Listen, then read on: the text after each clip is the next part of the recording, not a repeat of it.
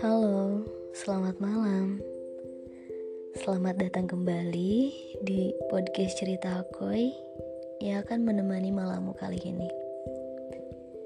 Semoga malam ini kita semua tengah berada di titik bahagia yang kita inginkan.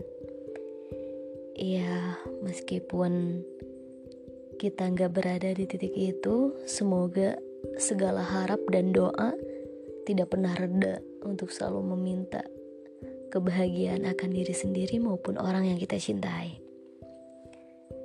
By the way, kedengaran gak?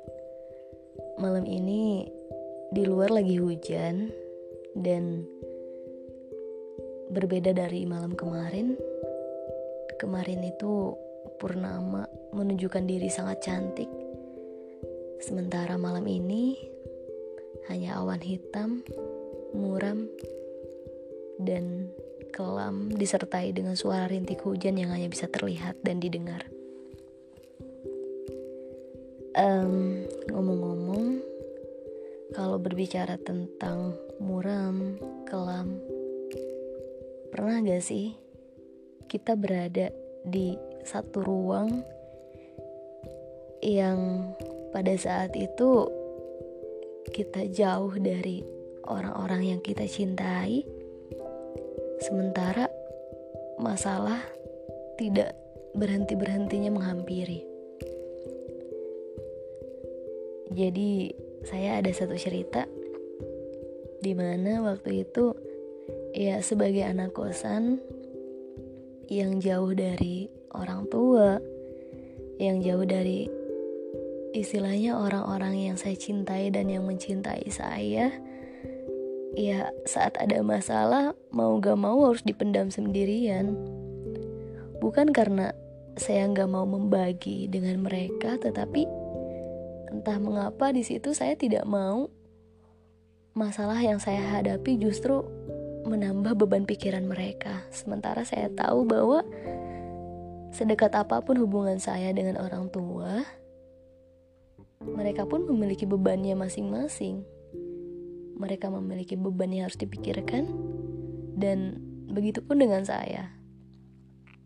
Dan saya tidak ingin menambah beban mereka, sehingga saya selalu berpikir bahwa bukan karena tidak ingin menjalin hubungan yang semakin erat, akan tetapi saya berprinsip bahwa jika bisa saya selesaikan, maka harus saya selesaikan duluan gitu. Saya harus coba menyelesaikannya dulu sendiri.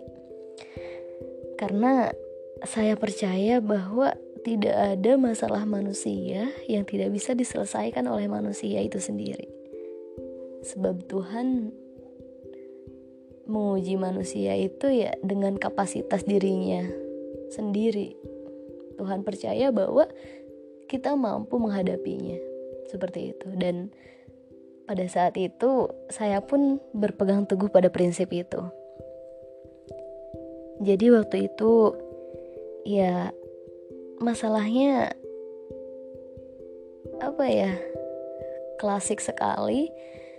Jadi wajar-wajar aja ya yang namanya sebuah persahabatan itu mengalami ya pertengkaran diakibatkan kesalahpahaman maupun diakibatkan faktor-faktor lainnya.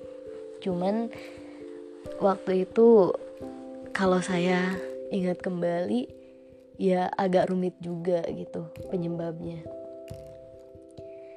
dan pada saat itu apa ya persahabatan saya sedang kalut-kalutnya sedang diguncang permasalahan yang tak ada habis-habisnya dan ya seperti yang kita ketahui bahwa saat suatu hubungan mengalami uh, pertengkaran mengalami kesalahpahaman ya akan renggang gitu apalagi kalau tidak cepat diselesaikan. Dan kalian tahu, waktu itu nggak ada seorang pun yang menemani saya. Nggak ada seorang pun yang menjadi tempat pulang untuk saya bercerita. Di mana pada malam itu saya nangis sendirian. Saya memikirkan jalan keluar sendirian. Dan saya tidak mau bahwa gara-gara masalah ini persahabatan yang saya jalin bersama mereka justru bakalan kandas begitu saja. Karena ya sebuah hubungan mungkin bisa kandas tetapi persahabatan bagi saya itu sangat mahal harganya. Maka dari itu satu hari itu benar-benar tidak luput dari tangisan. Sebelum tidur saya nangis bangun tidur saya nangis. Bukan karena cengeng tetapi karena saat pikiran kita saat logika kita tidak mampu berkata berkata apa-apa ya di situlah air mata berbicara. Seperti itu. Dan waktu itu saat saya sedang sendiri-sendirinya tiba-tiba Tuhan mengirimkan seseorang yang bisa dibilang mungkin dia adalah jawaban untuk menenangkan perasaan saya yang sedang hancur-hancurnya. Waktu itu saya sedang nangis sendirian di kosan, tiba-tiba dia datang dan dia nanya gitu, kenapa? Ada masalah apa? Dengan mata yang penuh nanar, saya melihatnya dan saya bukan malah menjawabnya tetapi justru air mata saya berbicara seolah menjelaskan bahwa saya sedang tidak baik-baik saja, saya sedang berada di satu titik yang saya hampir kehilangan kendali. Tiba-tiba dia duduk di depan saya. Dia memegang tangan saya. Dia bilang seperti ini. Kalau kamu mau nangis, nangis aja. Nggak apa-apa kok. Dan apa ya saya berpikir di situ bahwa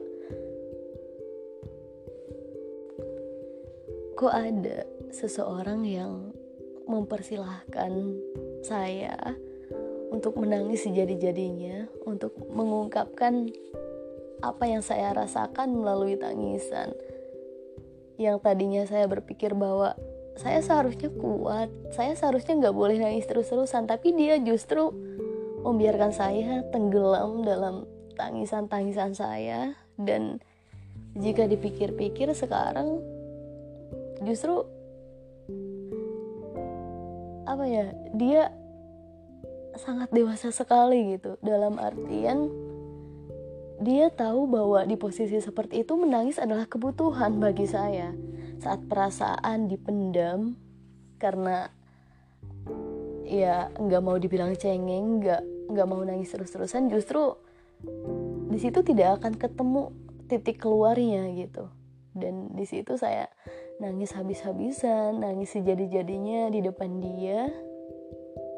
Dia tidak mengeluar dia tidak berbicara bagaimana solusinya tetapi dia mendengarkan saya dia mendengarkan suara tangisan saya mendengarkan cerita saya. Dan sebenarnya saat saya ada masalah itu fokus utamanya bukan membutuhkan solusi tetapi membutuhkan tempat untuk mencurahkan, untuk bercerita. Seperti itu dan pada saat itu dia mampu menjadi tempat kepulangan bagi saya saat dunia merampas orang-orang yang dekat dari saya. Dan pada saat itu saya berpikir bahwa Tuhan memang memiliki begitu banyak rencana tak terduga yang sebelumnya tidak pernah kita pikirkan.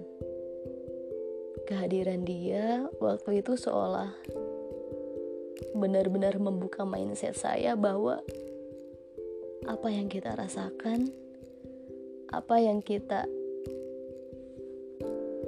permasalahkan, pasti akan selalu ada jalan keluar sekalipun itu dengan tangisan.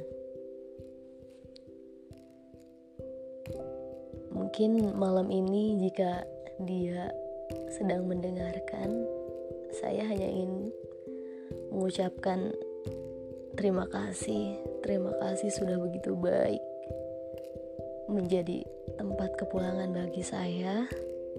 Terima kasih karena dengan kalimat sesingkat itu tapi begitu membekas hingga sekarang di kepala saya. Semoga dia selalu bahagia.